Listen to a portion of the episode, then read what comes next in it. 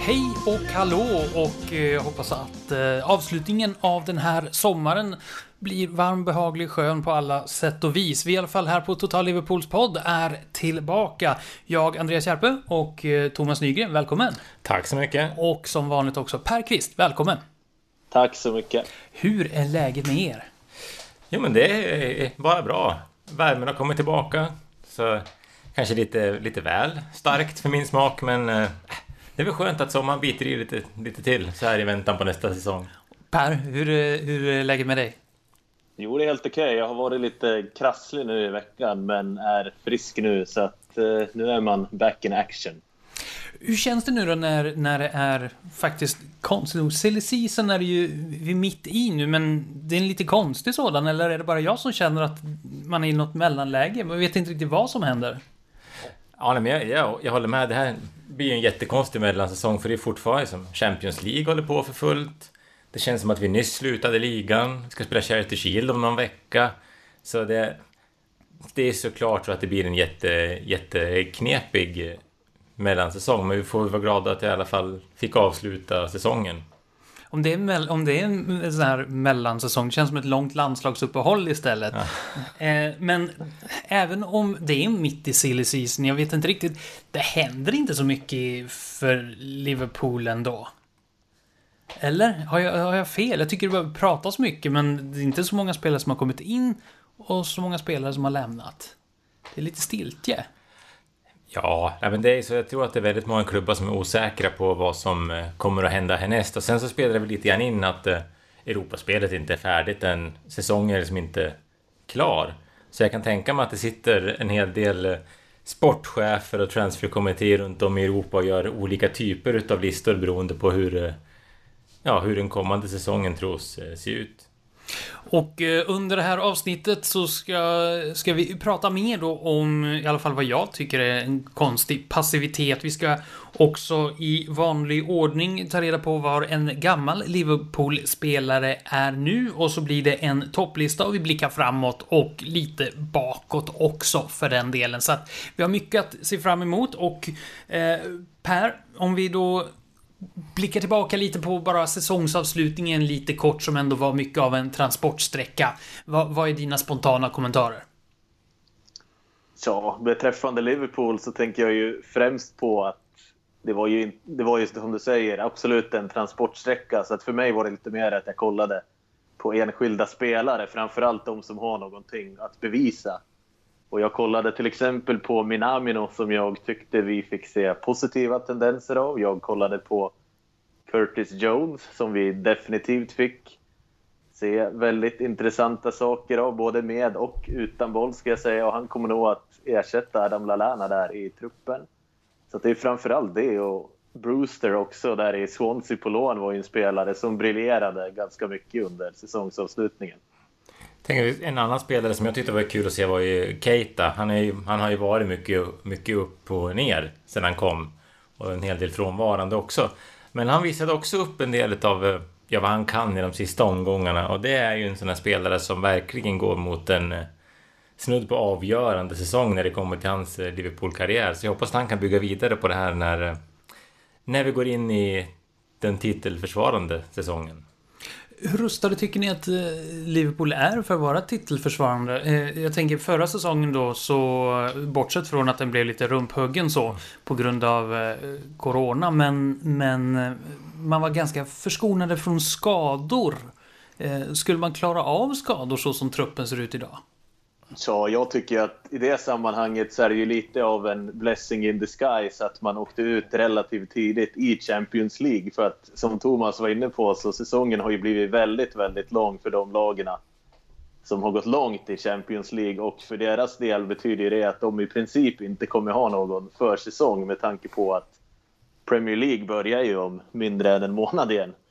Så, så att om de spelarna ska ha några veckor ledigt och sen börja träna så blir det ju väldigt svårt för dem att få en ja, den här uppbyggnadsfasen som man brukar prata om under försäsongen. Den kommer ju helt enkelt inte att existera i deras fall. Så där tror jag att Liverpool har en fördel mot till exempel Manchester City.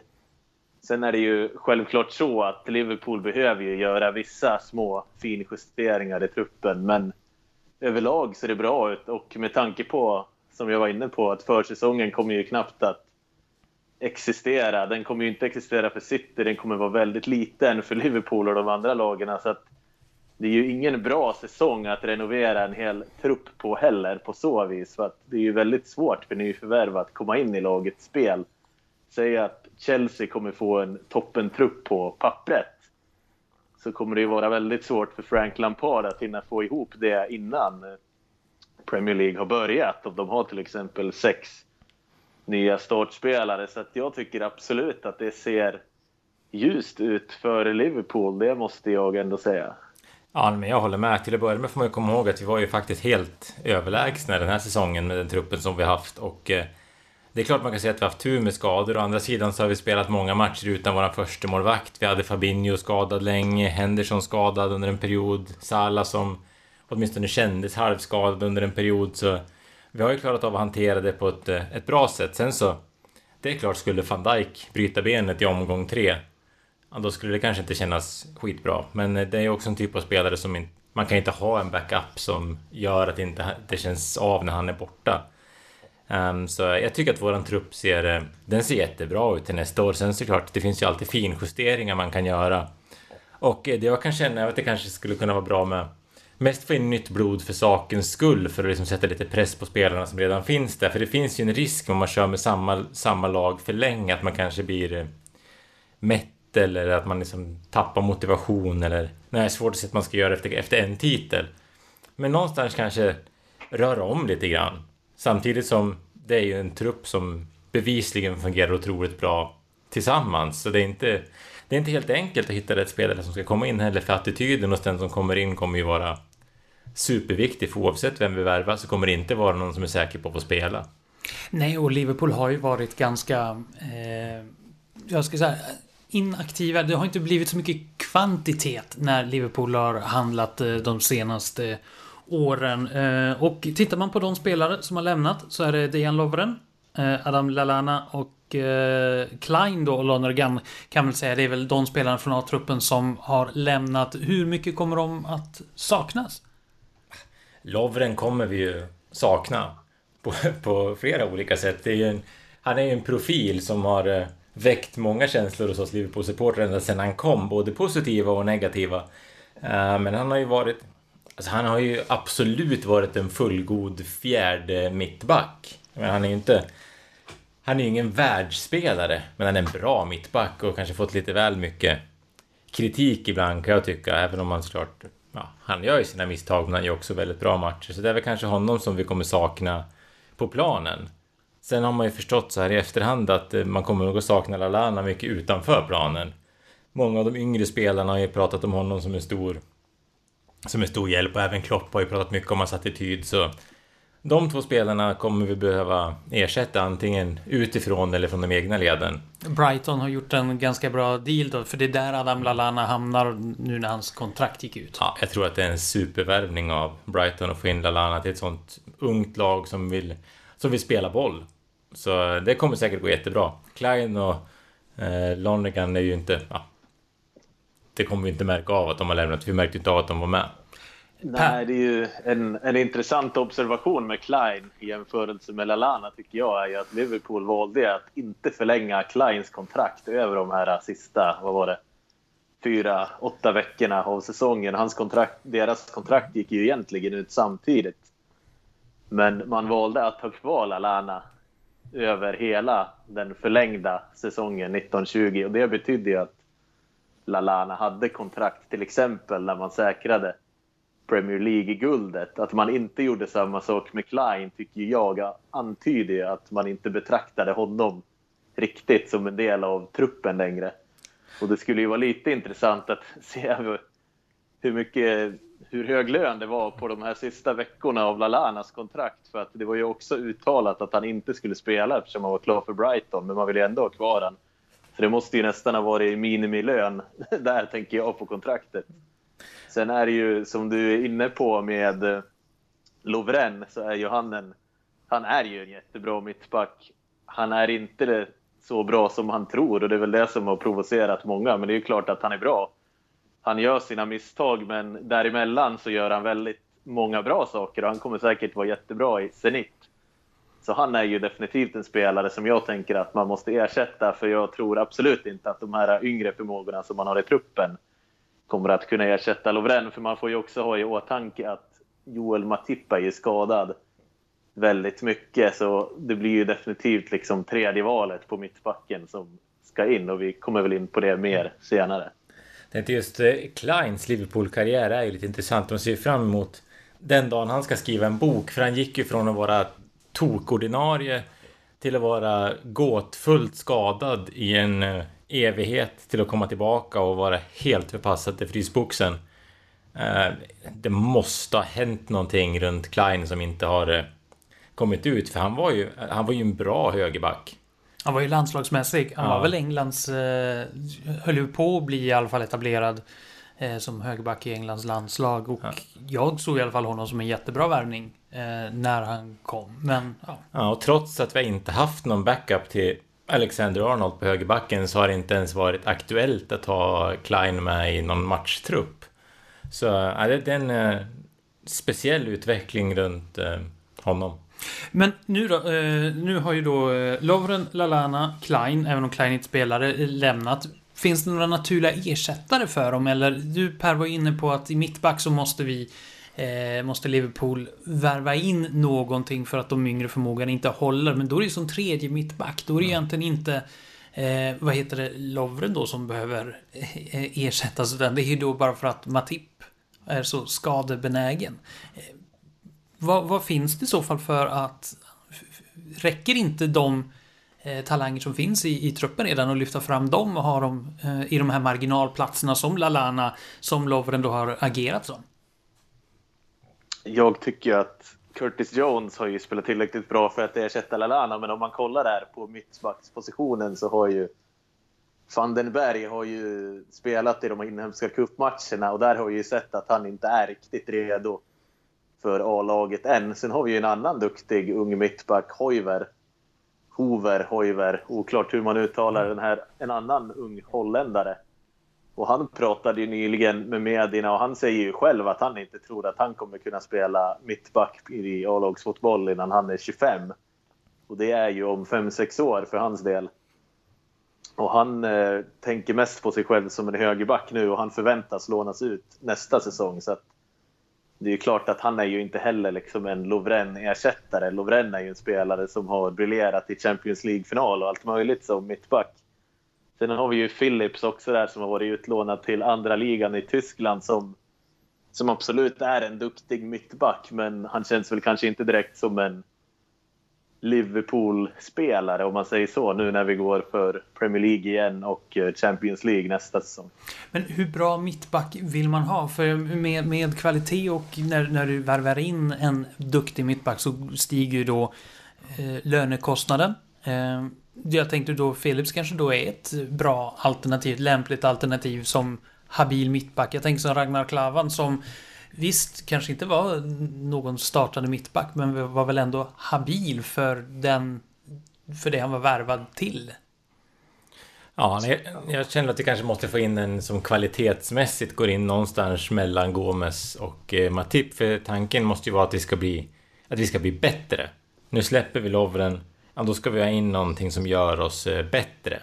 Inte någon som gör ja, någon som gör så att inte förlusten blir så tung. Utan eh, jag vill ju se en förstärkning i backlinjen. Och visst, man kan, man kan prata om att Fabinho kan gå ner och spela mittback. Men han är ju också vår bästa defensiva mittfältare. Så sådana rockader vill man inte heller göra för mycket. Så ja, jag hoppas att man lägger lite krut på att få in en mittback som kanske till och med kan konkurrera med Joe Gomez. För även om det är en, en jättebra mittback så ska han känna flåset i nacken. Och Matips skadehistoria vet vi, han spelar ju inte en hel säsong.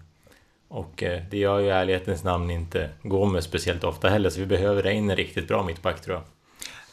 Och vi lämnar mittbackarna för nu för att eh, en liten cliffhanger här kan vi ju säga att eh, det kommer att bli mer mittbackar och förslag på vilka mittbackar som skulle kunna gå in i Liverpools 11 lite senare i programmet. Eh, men vi kan väl då skutta fram lite när vi ändå håller på och spekulerar. Eh, mittfältet har ju varit ganska välbefolkat. Adam Lallana har försvunnit. Eh, det har inte hänt sådär jättemycket när det gäller transfermarknaden, på transfermarknaden. Däremot så har det varit en transfersaga sen, jag vet inte hur länge, eh, med Bayern Münchens Eh, brasilianske spanjor, eller spanjor-brasilianare, Thiago i alla fall, förflutet mm. i Barcelona bland annat, har varit en väldigt upphypad spelare. Ska han komma till Liverpool eller inte har varit lite av en sommarföljetong? Vad, vad tror ni och vad är det för spelare vi pratar om? Börjar, börjar du Pelle? Thiago är ju en galet rutinerad och spelskicklig spelare som läser spelet väldigt bra. 29 år, kommer att fylla 30. Det är väl ganska givet, för det kommer väl alla 29-åringar förhoppningsvis att göra. Men han, eh, han är ju en sån här otroligt skicklig spelare inom mittfältare som kan spela som nummer 6 och nummer 9. Han kan ju ta den här djupliggande rollen där han bygger upp varenda anfall som vi till exempel ser att han gör i Bayern München nu. Han är ju den stora regissören på deras mittfält, lite som Xabi Alonso var under några år i Liverpool. Men jag tycker att hans spel utan boll är ju lite underskattat också, för han har ju väldigt många bollerövringar och brytningar. Han läser spelet väldigt bra. Och han kan som sagt även spela lite längre fram i banan och man är ju lite fundersam hur Liverpool i så fall skulle spela honom. Eh, för vi har ju pratat lite om det här mittbacksproblematiken. Thomas var inne på att man ju egentligen inte vill peta ner Fabinho som mittbacken. Man funderar ju lite nu, skulle det kunna vara så att Thiago kommer in och Fabinho spelar mittback oftare eller något sånt. Men helst inte, tänker jag. Men samtidigt så har vi ju, om det är någon brist som Liverpool har så är det väl ändå att innermittfältet inte är jättespelskickligt. Och det skulle ju kunna vara en sån grej som Klopp vill förbättra. Men vi får väl säga det att källorna till det här ryktet, det är otroligt varierande vad de olika ländernas journalistkårer rapporterar. De tyska menar ju att Liverpool är jätteintresserade och vill köpa Thiago medan de engelska menar ju ungefär motsatsen. Så det ska ju bli väldigt spännande att se vad som händer när Bayern har spelat färdigt. Ja, för det är ett efterhängset rykte och varför skulle Liverpool vara intresserade av Thiago då som går emot allting som Liverpool, Liverpools ledning då har, har som affärsidé får man säga att värva ungt spelare som är utvecklingsbara. Den senaste i, i raden som kanske då har tillfört någonting till A-laget som inte har varit utvecklingsbara är James Milner. Som fortfarande blir bättre och bättre. Som fortfarande blir bättre och bättre enligt Thomas då. Eh, men, men eh, är det så man ser på Thiago då som en James Milner-typ? Är det här en ny James Milner i så fall, eller varför är man så intresserad av Thiago? Han är, han är ju hysteriskt annorlunda än Milner, det måste man ju säga till spelet. Men han är ju en spelare med ett år kvar på kontraktet som man trots allt kan få för en relativt liten summa nu, även om man ska ha klart för sig att det blir en stor investering ändå med lönen och han har ju inget återförsäljningsvärde heller. Men jag tror ju att man skulle kunna vara intresserad av den enkla anledningen att han är ju en världsklasspelare. Och jag tycker att han är ju en individuellt bättre spelare än Liverpools nuvarande innermittfältare. Sen om han skulle vara bättre i Jürgen Klopps taktik är ju en annan diskussion, men individuellt sett så är han ju en världsspelare. Jag kommer också ihåg att Klopp kallade honom för Bundesligas bästa spelare innan Liverpool mötte Bayern i Champions League förra säsongen. Så att jag kan absolut förstå varför man skulle vilja ha in honom. Sen är det ju klart att det är ju en knepig sommar, minst sagt, ekonomiskt. Så att frågan är om det här är den typen av investering man gör i dessa tider. Tänker också numerärt så finns det ju ingen logik egentligen i den här värvningen. För om vi har vi har en ordinarie trio med Fabinho, Henderson, Wijnaldum. Vi har Keita, vi har Oxlade Chamberlain, vi har uh, Milner, vi har Curtis Jones som ska in och få speltid. Vi kanske till viss del även får se Minamino i någon slags mittfältsroll. Grujic har kommit tillbaka ja. från lån. Om uh, Thiago ska in så måste det betyda att någon annan är på väg ut. Vi kan ju inte ha åtta spelare till tre positioner. Samtidigt som vi kanske har uh, tre spelare till tre positioner i offensiven och liksom, ja, vi, vi, har ju inte alls den bredden på någon annan, i någon annan lagdel. Så det, det gör ju att jag tycker att det här ryktet känns eh, både oväntat och ologiskt, även om vi också såklart... Det är ju en eh, fantastisk fotbollsspelare. Han skulle ju säkert göra nytta i Liverpool, men det känns som att vi... Eh, vi skulle, vi skulle nog behöva göra oss av med någonting på mitten för att vi ska kunna försvara en sån värvning. Och kanske är det Wijnaldums kontraktförhandlingar som inte går som de ska. Kanske är det någon av de här äh, där bakom som inte riktigt känner att äh, ja, de ska vara kvar. Jag tänker en spelare som Keita måste ju vara livrädd över att Thiago ska värvas. För det måste ju vara lite grann den uppgiften som han var tänkt att ha som äh, Thiago kommer att få i sådana fall.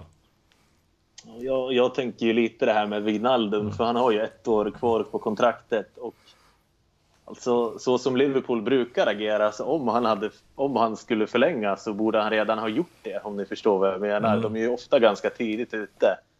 Oftast när Liverpools spelarna har kontrakt som går ut om ett år, då brukar det ju bli att man säljer dem eller att man behåller dem tills kontraktet går ut, som man gjorde med till exempel Emre Can han var ju också en spelare som man, ja, en innermittfältare som man gärna ville behålla, men kontraktet gick ut. Han ville inte bli kvar, han lämnade. Men jag tänker ju att frågan är ju om man verkligen är så sugna på att göra det, alltså låta ett kontrakt gå ut under rådande ekonomiskt klimat.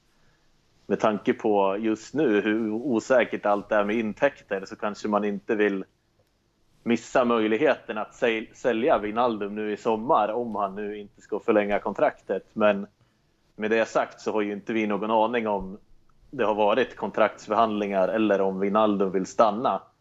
Man skulle ju kunna tänka sig till exempel att han vill testa något nytt, precis som Thiago vill göra det. Han har ju trots allt bara spelat i Holland och England i sin karriär och börjar komma upp emot 30. Så att, ja, han kanske vill ta en runda i Italien eller Spanien eller någonting om jag ska spekulera. Men jag tror absolut att det är Wijnaldum som hänger lösast om någon försvinner där.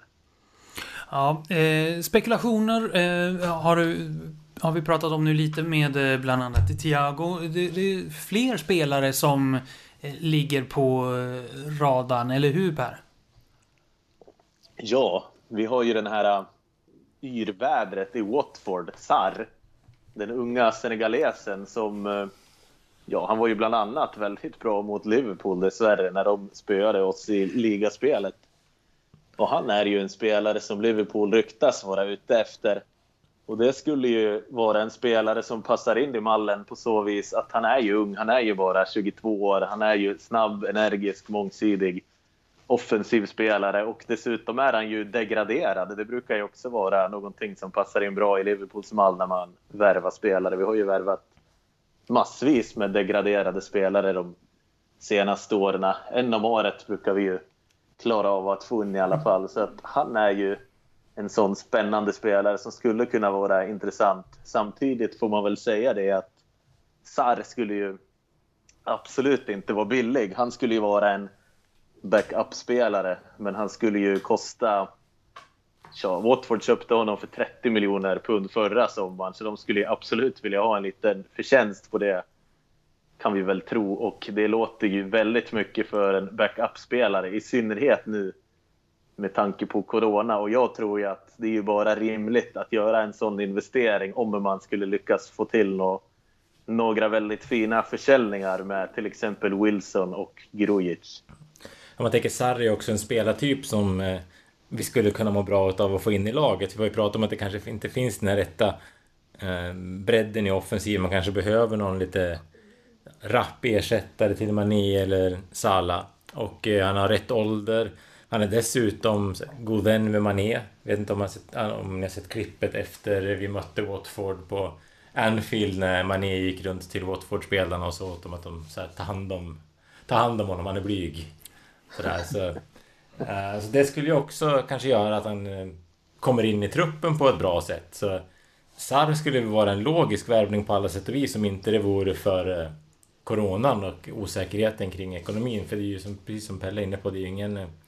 Det skulle ju inte bli någon billig värvning och det är ju inte ett säkert kort att värva in en 22-åring från Watford. Men eh, jag tror att Klopp skulle kunna göra ganska mycket med en sån spelare. Och det är ju en sån spelare som behövs också. Alltså, det, Origi i all ära och, och de eh, eh, tilltänkta reserver som, som finns nu i truppen. Men det, det, är väl ingen som har den explosiviteten som vare sig Mané eller eh, Salah har som då är eh, ja, nyckelyttrar så att säga. Eh, Origi skulle i så fall vara mer ett, ett, en, vad ska jag säga, en reserv till eh, Firmino i så fall om man då ska göra jämförelser, eller? Mm. Ja, och så får vi komma ihåg att Origi kommer från en riktigt svag säsong så hans aktier har ju inte de stod ju väldigt högt för ett år sedan. Jag vill minnas att jag satt och pratade om att han nog skulle kunna vara en perfekt backup inför den här säsongen och skulle säkert kunna göra upp på 10 mål och, och speciellt efter ju. Han var ju fantastisk mot Everton. Men sen har Som ju, vanligt. Sen så såg det ju allt annat än bra ut. Nu gjorde han i och för sig mål där i, i avslutningen på säsongen men... Ja... Han behöver nog kontinuerligt med speltid tror jag för att kunna ta det där extra steget. För man ser ju i vissa aktioner att det finns mycket fotboll mm. i Origan har ju egentligen väldigt mycket med både speeden och fysiken. Men kontinuerlig fotboll är väl inte att underskatta. Eh, men, men eh, Sarr då, det kan, kan vara som så att man kan vänta med honom ett år också, 22 år. Eh, det blir 23 då nästa år. Så att vi får se vad som händer där också. Det kanske händer, blir någonting om nu Liverpool lyckas använda den här transfertrollstaven och få kriminellt mycket pengar för, för eh, Grujic och Wilson exempelvis. Liverpool har ju visat på prov på att kan man få ut en pund extra så, så lyckas man oftast med det. Ja, det är synd att Bournemouth åkte ur alltså. De har ju räddat oss ekonomiskt flera gånger sista åren. ja, fan. De Wilson för 25 miljoner dit nu hade varit givet. Ja, tillsammans med Solanke och Aib i anfallet. ja. Aib fick inte förlängt nu faktiskt. Eh, så han är ju free agent nu ja. lämnar Bournemouth. Ja, men Solanke öppnade målkontot istället i omgång 36 eller vad det var. Ja, han tog tid på sig men till slut. Ja. Får se om han kanske kan... Han är ju en sån här spelare som jag tänker kanske kan stanna där och vara med och göra 15 mål i Championship nästa säsong. Det skulle vara bra för dem i alla fall med tanke på att nästan hela alla andra kommer lämna. Mm. Mm, I alla fall av kvalitet. Eh, ska vi lämna ja. spek spekulationerna bakom oss nu då? Vi, för vi har ju spekulerat om spe spelare som skulle kunna tänkas komma in, men det finns faktiskt spelare som har kommit in. Eh, under hela förra säsongen så var det väldigt många som pratade och spekulerade i, men vi har ju ingen reserv som vänsterback bakom Robertson. Nu fick ju han spela väldigt mycket, eh, vilades eh, en hel del i slutet av säsongen, ja, lite på grund av skador också, men nu har det kommit in en en spelare. Först spekulerades i Norwich eh, back Jamal Lewis. Men det blev en grek istället. Kostas eh, Tsimkas tror jag han heter. Eh, per, vad vet vi om honom? Ja, han är ju en 24-årig grek från Olympiakos som egentligen bara har varit ordinarie där i, i drygt en säsong. Innan det har han varit utlånad bland annat till Holland och även Danmark, Esbjerg. Och han är ju en spelare som har varit väldigt bra den här säsongen i Olympiakos, vilket per automatik egentligen blir mer intressant. För det är ju en sån hysterisk press att spela i de här stora klubbarna i Grekland och Turkiet till exempel. Så man är ju väldigt mentalt stark om man kan slå igenom där. Och som spelare så påminner han ju faktiskt en hel del om Andy Robertson måste man ju säga. Han, han är ju väldigt snabb och han har ju bra inlägg. Så att han är ju en sån här äh, modern ytterback som fyller på väldigt mycket i anfallen, kan springa mycket, kan springa fort men även kan försvara och han har ju, ja det är lite praktiskt för Liverpool sådär, så har ju Olympiakos mött en hel del engelska lag i Europa League den här säsongen. Sen har ju absolut testats en del mot Adama Traoré till exempel som Ja, han får väl många vänsterbackar i Premier League att drömma mardrömmar både före och efter de ska möta Wolves. Och han har ju ändå hanterat det här på ett bra sätt så att det är absolut en fin vänsterback i bra ålder som man får in och känns väl som ett relativt säkert kort om man tänker till den rollen som han ska ha. Eh, och nu blev det inte Jamal Lewis. Hade det varit att föredra? Eller eh, är det här det, det, bästa som, som man hade kunnat få in? Ja, alltså jag tänker att fördelen med Jamal Lewis var ju dels att han är engelsman. Det är ju alltid en fördel om man ska vara helt ärlig. Och dels så känner han ju Premier League, men å andra sidan så har ju greken Kostas har ju bättre inlägg. Det är ju ganska tydligt. Det har ju varit en, en svaghet hos Lewis och någonting som han får jobba med. Men jag kan väl känna liksom summa summarum att det kvittar väl lite vilken av de här två som man får in. Det här är ju inte en... Alltså det är ju självklart en viktig värvning att ha en backup på vänsterbacken och vi, man får väl också säga att vi känner ju inte till Robertsons medicinska situation. Han skulle ju kunna ha någon jobbig skada eller någonting som besvärar honom. Men jag tänker att det kommer ju inte vara den här värvningen som definierar nästa säsong. Vi har ju till och med spelat utan den här backup vänsterbacken förut. Milner har ju gjort ett okej okay jobb där. Så jag kan väl känna att Lewis, Kostas, det är ju ändå ganska jämnt skägg i det stora hela. Och sen kan jag förstå att man inte vill lägga jättemycket pengar på den här spelaren. Jag är lite förvånad över att man trots allt lägger 11 miljoner pund en sån här sommar på den positionen med tanke på hur osäkert allt är med intäkterna nästa säsong. Så att ja, det, jag tycker det känns bra, men Lewis hade också känts bra. Jävligt tråkigt svar, men så är det. Vi pratade ju med några Olympiakos-supportrar på sidan i samband med den här värvningen och de var ju båda två helt övertygade om att Liverpool har gjort ett kap. Um, de var ju inne på att han var åtminstone på samma nivå som Robertson, eller det skulle kunna bli på samma nivå om inte bättre. Så de var ju... De hyllade ju Tsimikas som en, en jätte, jättebra värvning. Sen så vet man ju själv att man kan bli rätt enögd runt sina egna spelare så det återstår att se hur, hur pass väl det stämmer. Men det är ju... Det är en, i den mån en backup-spelare är spännande så tycker jag att det här var en, ja, en intressant värvning. Och eh, en förstärkning får man ju säga. Från att inte ha någon backup som vänsterback så finns det ännu helt plötsligt. Eh, och då finns det backuper då förmodligen nog på både högerbacken och vänsterbacken. Nico Williams eh, blev ju testad eh, i slutet av säsongen. Hur ser ni ut? Hur, hur skulle ni vilja sammanfatta? Känns det som en stabil högerbacksreserv eller bör klubben leta efter ytterligare ett, en backup? Jag tycker att det känns väl inte helt hundra med Nico Williams till höger. Det, det syns ju att det finns mycket fotboll i honom, men eh, defensivt så visade han ju på en del brister i de matcherna han spelade.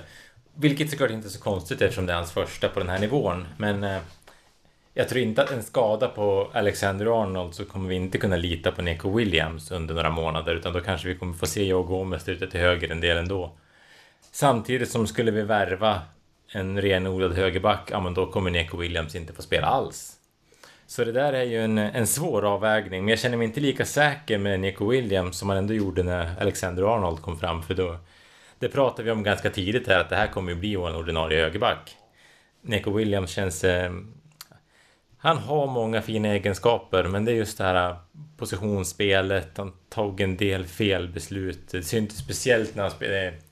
I den första matchen han spelade, när han sattes under press, att eh, han inte han, man ska inte vara färdig i hans ålder, men frågan är om han är redo att vara backup. Per? Ja, jag tycker ändå att det känns helt okej. Okay. Det är ju också så, det är ju fler... Alltså om det skulle krisa sig helt när Trent är borta och Williams inte skulle klara av det alls så har vi ju ändå både Gomes och Milner. Ej att förglömma Thomas. Nej. Lite kan... förvånande att du glömde honom. Nej, men jag tycker ändå det finns fina saker med William. Så om Klopp får jobba, fortsätta jobba med honom och han får spela några ligamatcher här och där kanske, men framförallt kuppmatcher så tror jag att ändå att det kommer att hålla. Sen om det kommer göra mer än hålla, om det verkligen kommer tillföras någonting från honom, det återstår väl att se. Men jag tycker ändå att det ser bra ut och jag är väl lite mer positiv ändå till honom än Thomas kan jag känna. Sen ska man väl också komma ihåg att de här matcherna som han spelade, hans eh, kumpaner i backlinjen gick ju inte för fullt. Eller, de, de försökte säkert, men mentalt så såg man ju att flera av dem snarare såg fram emot att lyfta bucklan och ta semester än att spela de här matcherna. Och det kan ju såklart ha, just, ha inverkat på hans insats. För får han en, en fullt fokuserad eh, Van Dijk och en fullt fokuserad Joe Gomez innanför sig så kanske det inte gör någonting att han kommer lite fel ibland. Eh, och eh, det har blivit dags att gå vidare i eh, det här avsnittet. Vi har ju pratat om spelare som har lämnat. Dejan Lovren, Adam Lallana och Klein. Thomas var nyfiken på att läsa boken om Klein. Och även om de har lämnat nu så så är det lite för tidigt att se tillbaka på deras karriär efter Liverpool. Det har inte hänt sådär jättemycket ett par veckor. Så jag tycker att vi ska fokusera på en spelare som har lämnat klubben och haft en karriär efter Liverpool. Thomas? Mm. Vi ska eh, titta lite närmare på en av de här som har försökt lösa våra kantproblem som vi hade under en period. Eh, det här var en spelare som skulle ta över eh, vänsterkanten i Liverpool när han kom 2008 ifrån Espanyol och den spelare jag pratar om är ju Albert Riera.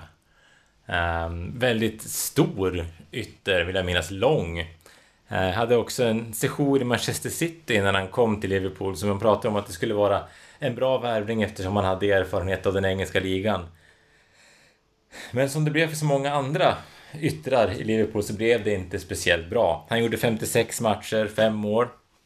Spelade mycket första säsongen men fick sen hamna lite grann i bakom spelare som Babel, Benayoun, Maxi Rodriguez och var inte helt nöjd med sin situation i klubben så han gjorde det mindre lyckade draget att gå ut och kritisera Rafa Benitez eh, offentligt i media. Pratade om Liverpool som ett sjunkande skepp och att inte att tränaren inte pratade med honom att han kände sig som att trän om, om inte jag får spela måste jag få veta varför och eh, inte så långt därefter så lämnade han Liverpool.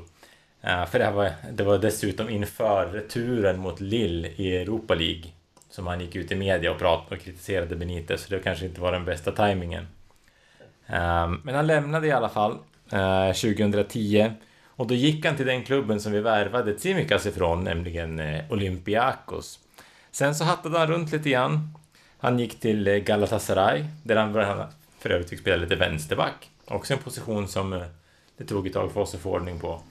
Sen hade han en kort session i Premier League igen, när han gick till Watford. Han var nere i Italien, Udinese, utan att få spela någonting direkt. Han var i Mallorca innan han hamnade i två mindre klubbar i Slovenien där han i en klubb som heter FC Koper både var spelare och han var spelande sportchef. Den är ny. Ja, den hade man inte sett förut. Jag var inne och tittade lite grann på spelare som fanns i FC Koper, för det var ju ganska intressant tyckte jag. Eh, och eh, den mest kända som var där samtidigt som honom var åtminstone för oss som spelat Championship Manager en spelare som heter Zlatan Muslimovic som var väldigt, eh, väldigt bra att värva på Championship Manager i slutet på 90-talet. Eh, en, eh, jag tror han var svensk-bosnier eller något liknande för att prata om att han skulle hamna i det svenska landslaget. Det var också en kille ifrån Mali som hette Mademba Djibril Cissé. Och jag har sökt och sökt efter att ta reda på om det verkligen, om det, han är döpt efter Djibril Cissé, eller om han har tagit efter Djibril Cissé, men det känns som att jag tycker vi kan slå fast att han har tagit av Djibril Cissé. Vi säger det. Ja, det är en bättre story ja, då. Mycket bättre. Låt inte fakta komma emellan en Nej. bra story. um, I alla fall, när han, um, han kände väl i FC Cooper att han var liksom inte klar med spelarkarriären. Uh, så han sökte lyckan österut. Och då tänker de flesta, ja, kanske arabvärlden, kanske Kina. Det tänkte inte Albert Riera, utan han flyttade faktiskt till uh, Sibirien. Okej. Okay. Han eh, är gift med en ryska. Så han hamnade i Sibirien där han, eh, han tränade med ett lag som heter Tom, Tomsk i Tomsk. Eh, som ligger ja, i Sibirien, ja, långt österut i Ryssland såklart. men det här var under en tid som inte de fick registrera spelare. Så jag läste en intervju med honom från den här tiden att han hoppades att han skulle få en chans att skriva på och spela för dem under slutet på säsongen. Men det, som jag har förstått så blev det inte så. Och då, det här är ju en speciell klubb såklart, Tom Tomsk, som ligger i Sabien. För till exempel om de skulle möta Krasnodar så skulle det vara jämförbart med om Arsenal skulle spela borta match i Kanada. Alltså den typen av resväg till matcherna. Så jag kan tänka mig att det är en ganska tuff klubb att spela i. Det är också en stor kontrast från den som kommer från Mallorca. Um, den största spelaren som har varit Tom Tomsk var ju tvungen att kolla upp såklart som en intressant klubb. Det var Pavel Pogrebniak. Um, ja, det... Vill minnas att han var i Fulham eller något liknande i, i Premier League. Centertanken. Ja. Och Dyra kan... pengar, inte mycket leverans vill jag minnas. Ja, men som spelartyp känns det som att man skulle kunna komma från Sibirien. Um, Ja, i alla fall, det blev inget spel i Sibirien för eh, Riera. Det känns lite tråkigt. Det hade varit lite häftigt att ha haft en före detta Liverpool-spelare där. Men liksom man läste om David James som var på Färöarna, Albert Riera i Sibirien. Eh, men häromveckan så fick i alla fall Riera sitt första jobb på länge. Eh, där han har blivit eh, assisterande tränare i Galatasaray. Och där var jag tvungen att kolla vem som var tränare nu för tiden och det visade sig att det är samma tränare som det alltid är. Nämligen Terim, eller? Ja, Fatih Terim. Jag vet inte vilken, i vilken omgång det är han är där nu, men det brukar ju vara han som är tränare där och det var det fortfarande. Så eh, Regera ska alltså hjälpa Fatih Terim att eh, få ordning på Galatasaray igen med spelare som eh, Falcao och Muslera och sådär. Så han har fått ett, eh, ett stort jobb. En spännande karriär verkligen. Som man inte riktigt... Väldigt många eh, sportchef och, och spelare i Slovenien. är ingenting som man eh, tänker. Nej, en väldigt udda karriärutveckling för det, dels så var han tidigt i Premier League och lämnade Premier League, kommer tillbaka, Slovenien och sen bara just det här att bosätta sig i, i Sibirien tänker man ju kanske inte att det är den första en, en spanjor gör. Nej, väldigt frisinnad måste han vara. Ja. Eh, inte rädd för nya utmaningar i alla fall. Eh, och, an, eh, och sen anta att han var dåligt scoutad av olika klubbar. För det verkar som att han inte haft någon större framgång egentligen i någon klubb. Det var, det var väl ingen av klubbarna som det syntes någon så här jätteframgång i och det såg man ju också i Liverpool. Han kunde ju blixtra till men han kändes ju inte riktigt som en ytter. Han var ju inte sådär, han var ju inte supersnabb. Som, som var inne på tidigare, stor. Han hade ju ganska bra skott sådär men eh, han var ju dåligt scoutad av, eh, av Liverpool också och det var väl tyvärr så det var under eh, Benites sista år att eh, Han hade väl inte så fel om det där med sjunkande skepp. Sen kanske inte så smart att och, och eh, gå ut med det i media och Benitez har ju fått mycket kritik för att han inte pratar med spelare ibland. mm, Kanske inte så smart att gå ut i media. Så. Benitez har ju sällan reagerat bra på det. Nej, I den här intervjun som han gjorde när han bodde i Sibirien så pratade han ju om det att han kanske det kanske inte var så smart att så här, Benitez var ju en bra tränare och så här i efterhand så kan jag väl tycka att det var lite dumt. Så. Men Riera var ju ganska het ändå i Espanyol innan han kom till Liverpool. Han fick ju spela en hel del A-landskamper för Spanien då. Och om man ska sätta in det i ett sammanhang så var ju det precis några år innan Spanien började vinna EM och VM och allt vad det var. Så att han var ju ganska het och han måste ju också ha gett ett hyggligt avtryck i Galatasaray tänker jag eftersom de tar tillbaka honom nu och man blir ju lite nyfiken hur han skulle se på det om en nuvarande Galatasaray-spelare gick ut på samma sätt som han gjorde. Mm, ja. Eh, intressant karriär, eh, Albert Riera. Eh, och vi lämnar väl honom i alla fall. Och eh, ska vi blicka framåt? Eh, lite. Va, det är inte så lång tid kvar till, eh, till eh, ja, kuppspel och så är avslutat. Säsongen avslutar och så. Vad tror ni kommer att hända nu? Vad är det som är på gång i Liverpools radar? Vad, vad tror ni kommer att hända? Vilka spelare kommer att lämna? Har vi, eller har alla spelare som ska lämna klubben lämnat klubben? Jag tänker på Karius som kommer tillbaka från flera år långt lån från Besiktas. Grujic eh, tillbaka också i klubben efter flera säsonger av lån. Harry Wilson, det är väl make it or break it för honom. Eh, vad tror ni kommer att hända? Det är ju en ganska lurig spelarmarknad för vi har ju det här eh, å andra sidan å ena sidan vill man göra klart med spelare så tidigt som möjligt för man vill få in dem i laget med tanke på att försäsongen är så otroligt kort. Å andra sidan så vill man väl vänta så länge som möjligt och avvakta med tanke på att man vill kunna göra en så bra bedömning som möjligt med inkomsterna nästa säsong och det är också därför som de har förlängt transferfönstret där en bit, en bit, en bit in i oktober. Så att jag tror att det kommer bli väldigt många sena övergångar i det här transferfönstret, speciellt om det börjar ljusna med corona. Och för Liverpools del så tror jag att man kommer att sälja Karius, Grujic, Wilson. Jag tror att Shakiri kommer att lämna om någon klubb vill betala hyggliga pengar för honom. Jag tror till och med faktiskt att Origi kanske skulle kunna lämna om eh, någon kommer in med en saftig summa, inte minst eftersom Brewster har gått så bra. Vi har ju också diskuterat Wijnaldum lite som ett wildcard att lämna. Sen är det ju naturligtvis inte så att precis alla de här spelarna kommer lämna, men jag tror att flera av dem kommer göra det och jag tror också att Liverpool kommer att göra några sådana här fyndvärvningar, typ som vår nye Kostas på de här luckorna som kommer att uppstå vid en del av försäljningarna. Men det är ju inte alla, för om man ska vara helt ärlig så har ju spelare som Wilson, Grujic och Karius, de har ju inga platser i den nuvarande truppen, eller den truppen som vi hade 1920, så att det blir ju inga hål av att sälja just dem. Ja, men jag är väl inne lite grann på samma spår. Jag tror nog kanske att alla de här hade lämnat om det hade varit en vanlig sommar.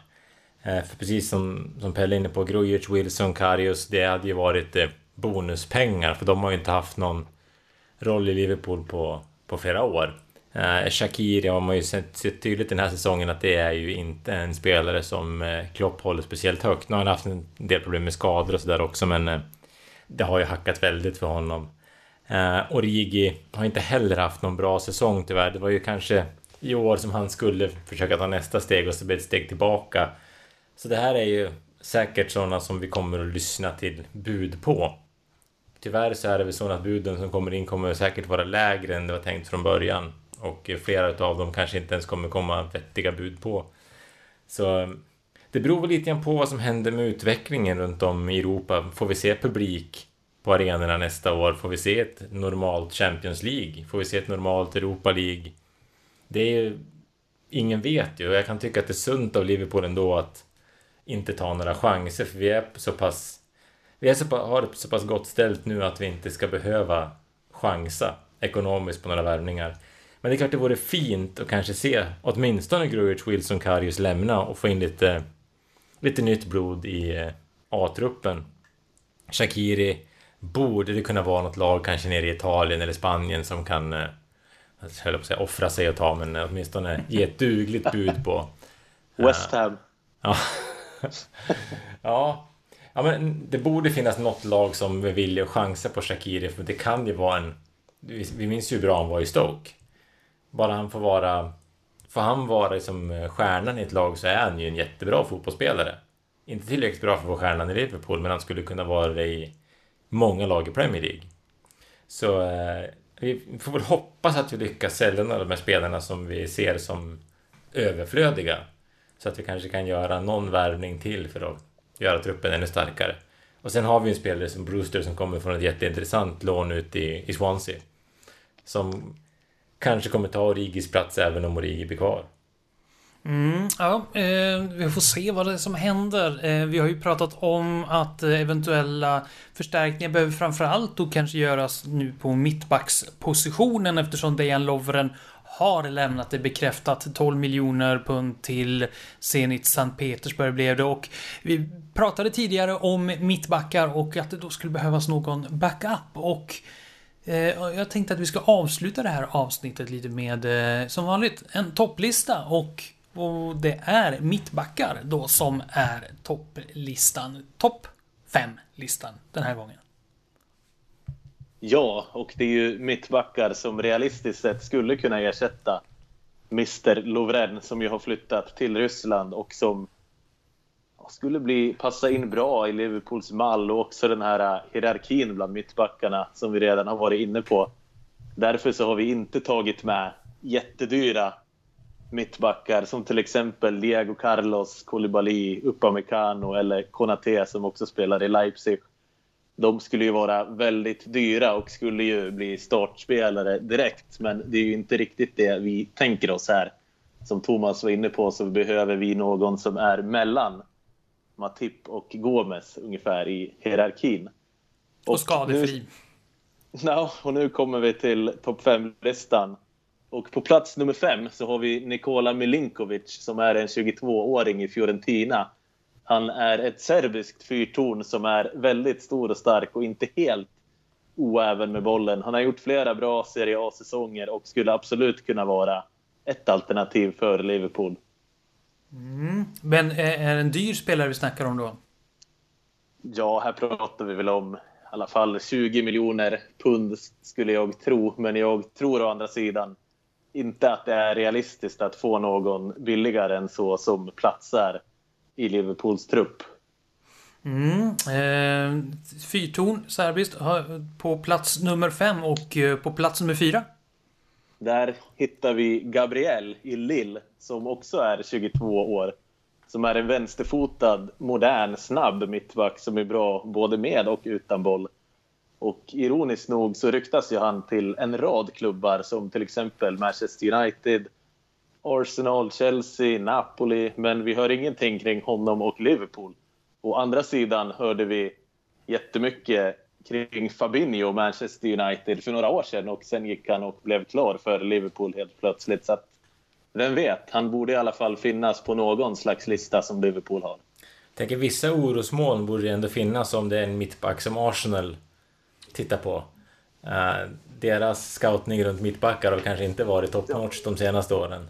Fast de, de tittar ju ofta på bra spelare. Problemet är ju att de inte hamnar där. de köper dem aldrig. Thomas Partey nu eller Gabriel. Det är liksom William som hamnar där till slut och David Luiz. Ja, eh, där har vi då på plats nummer fyra Gabriel då från eh, Lille. Fanns det inte en Gabriel som spelade i Arsenal? Apropå Arsenal. Jag för mig det var en mm. mittback där som inte rosade marknaden. Det kanske var honom man var ute efter egentligen då, även om det var ett par år sedan. Ja, mm. nåväl. På plats nummer tre då, vad hittar vi där? Där hittar vi Ben Godfrey som ironiskt nog är den tredje på listan som är 22 år gammal. Jag ser ett Han, mönster. Ja, det, ju, det, passar ju bra in i åldersstrukturen måste jag säga till mitt försvar. Det är inte så att jag har någon fetisch där bland 22-åringar. Det är helt en slump. Men Godfrey i alla fall är en kille som är från York från början. Och det är ju alltid lite kul att snacka i York. Det är den här gamla staden som både romarna och vikingarna har härjat i. Och han är ju framförallt en väldigt spelskicklig back. Det fick vi se den här säsongen i Norwich där han ju spelar. Han var väldigt bra när de gick upp. Jag tycker att han var bra den här säsongen, men jag hade faktiskt förväntat mig lite mer om jag ska vara ärlig i försvarsspelet med tanke på hur uppskriven han var. Och han kan ju också spela central mittfältare och många tror ju kanske att det är där han kommer att hamna till slut i sin karriär. En eh, rolig fotnot kring honom är ju det här att hans rådgivare är ingen annan än Rio Ferdinand. Jag vet inte om det är bra eller dåligt, men eh, det är i alla fall värt att nämna. Och han skulle ju dessvärre heller inte vara billig. Vi vet ju att Norwich är ju väldigt tuffa att förhandla med. De ämnar ju inte att rea ut någon av sina stjärnspelare. De blev väl inte supernöjda med hur vi hanterade Jamal Lewis-budandet heller så vi kanske får... Vi får nog kanske fjäska in oss lite grann om det ska bli en affär där. Och... Snacka med ett annat nedflyttningslag istället. Ja. ja.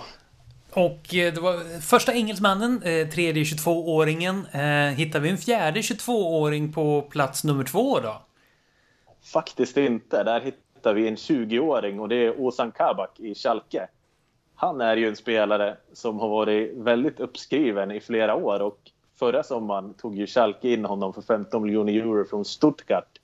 En klausul som de aktiverade och jag tror att alla trodde att den här unga fina mittbacken som både är stark, bra i luften, spelskicklig, brytsäker och så vidare. Jag tror alla trodde han skulle bli liksom en sån här spelare som Schalke behåller i i alla fall fyra, fem år. Men Schalke dras med ekonomiska problem och han är en av de spelarna som de tyvärr för deras del kan komma att offra. Och extra roligt att ha med honom på listan är ju därför att han ryktas ju till Liverpool i tyska medier. Bild menar ju att Liverpool gärna skulle vilja värva honom ifrån Schalke. Och det vore ju såklart inte någon billig historia heller, men han är ju en väldigt duktig ung mittback. Mm, spännande. Eh, kryper ner i åldrarna också när det gäller eh, potentiella värvningar då till den här eh, ska vi säga, halvvakanta mittbacksplatsen i Liverpool. Eh, men då har vi bara en kvar nu då. På plats nummer ett, vad hittar vi där? Där hittar vi faktiskt en 22-åring i form av Ben White. Surprise! Ja, det är ju verkligen 22-åringarnas lista. det är lustigt att det blev så. Men Ben White i alla fall var ju enligt många, inklusive mig, Championships bästa mittback 1920 där han spelade för Leeds som ju gick upp i Premier League. Men han ägs inte av Leeds, han ägs av Brighton. Så det är Brighton i sådana fall man ska förhandla med kring Ben White. Och vi har ju haft honom som transferprofil i tidigare avsnitt. Han är ju en väldigt bra, modern, spelskicklig allround mittback. Och man känner ju när man ser honom spela att det här är ju en Liverpool-spelare, någon som skulle passa in perfekt i vårt spel. Men han vore ju förstås inte heller billig. Han har redan eh, varit utsatt, höll jag på att säga. Han har redan varit måltavla för ett bud ifrån Leeds som vill ha med honom nu i Premier League. Och de har faktiskt budat 22 miljoner pund enligt Sky Sports som Brighton har tackat nej till. Så att vi kan ju anta att prislappen skulle vara högre än 22 miljoner pund. Värt att nämna är också att Liverpool har scoutat Ben White väldigt intensivt under säsongen och att många journalister som bevakar Liverpool på heltid tror att han skulle kunna vara en sån mittback som de vill värva i sommar. Ben White är ju det är en, en jättebra fotbollsspelare. Jag ser ju en del Leeds eftersom farsan är Leeds-supporter och eh, sen Bielsa kom så har de också varit väldigt roliga att titta på. Så det här tycker jag skulle vara en, eh, en jättebra värvning, både åldersmässigt, eh, utvecklingsmässigt, skulle kunna gå in och kanske inte konkurrera med Joe Gomez, men inte långt där bakom och med rätt utveckling kanske han till och med skulle kunna kliva in som som i eh, ordinarie mittbackspar. Så eh, finns pengarna och vi kan få Brighton att eh, sälja så tycker jag absolut vi ska göra ett försök. Och vi, här får vi ju komma ihåg att de fick, vi släppte ju Lalana till dem.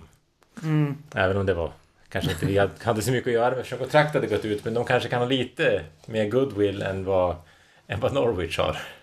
De, eh, de skulle ju kunna vara intresserade av till exempel Wilson Eh, om man ska spekulera lite också.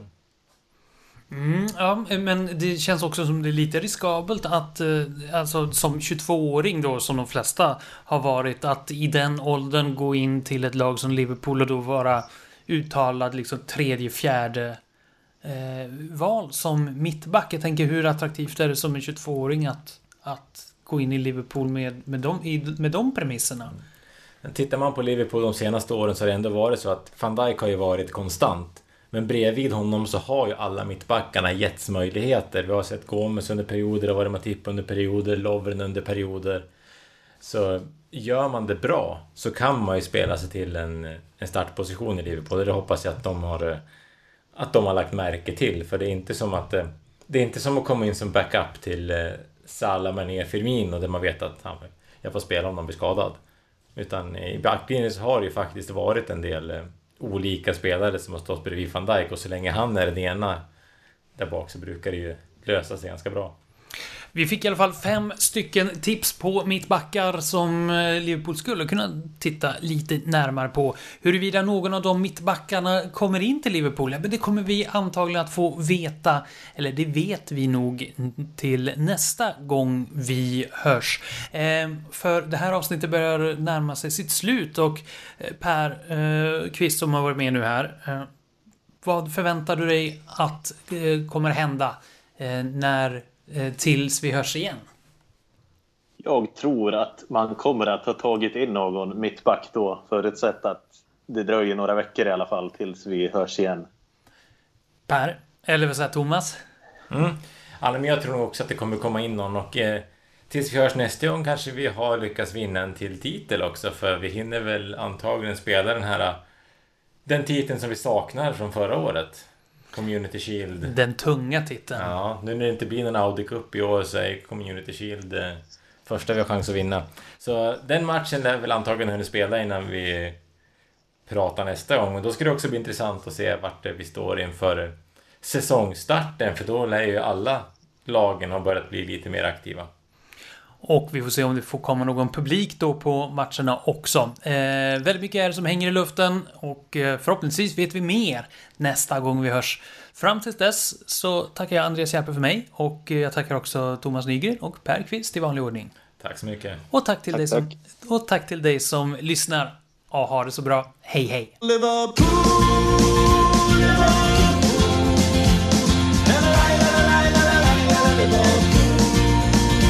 Liverpool.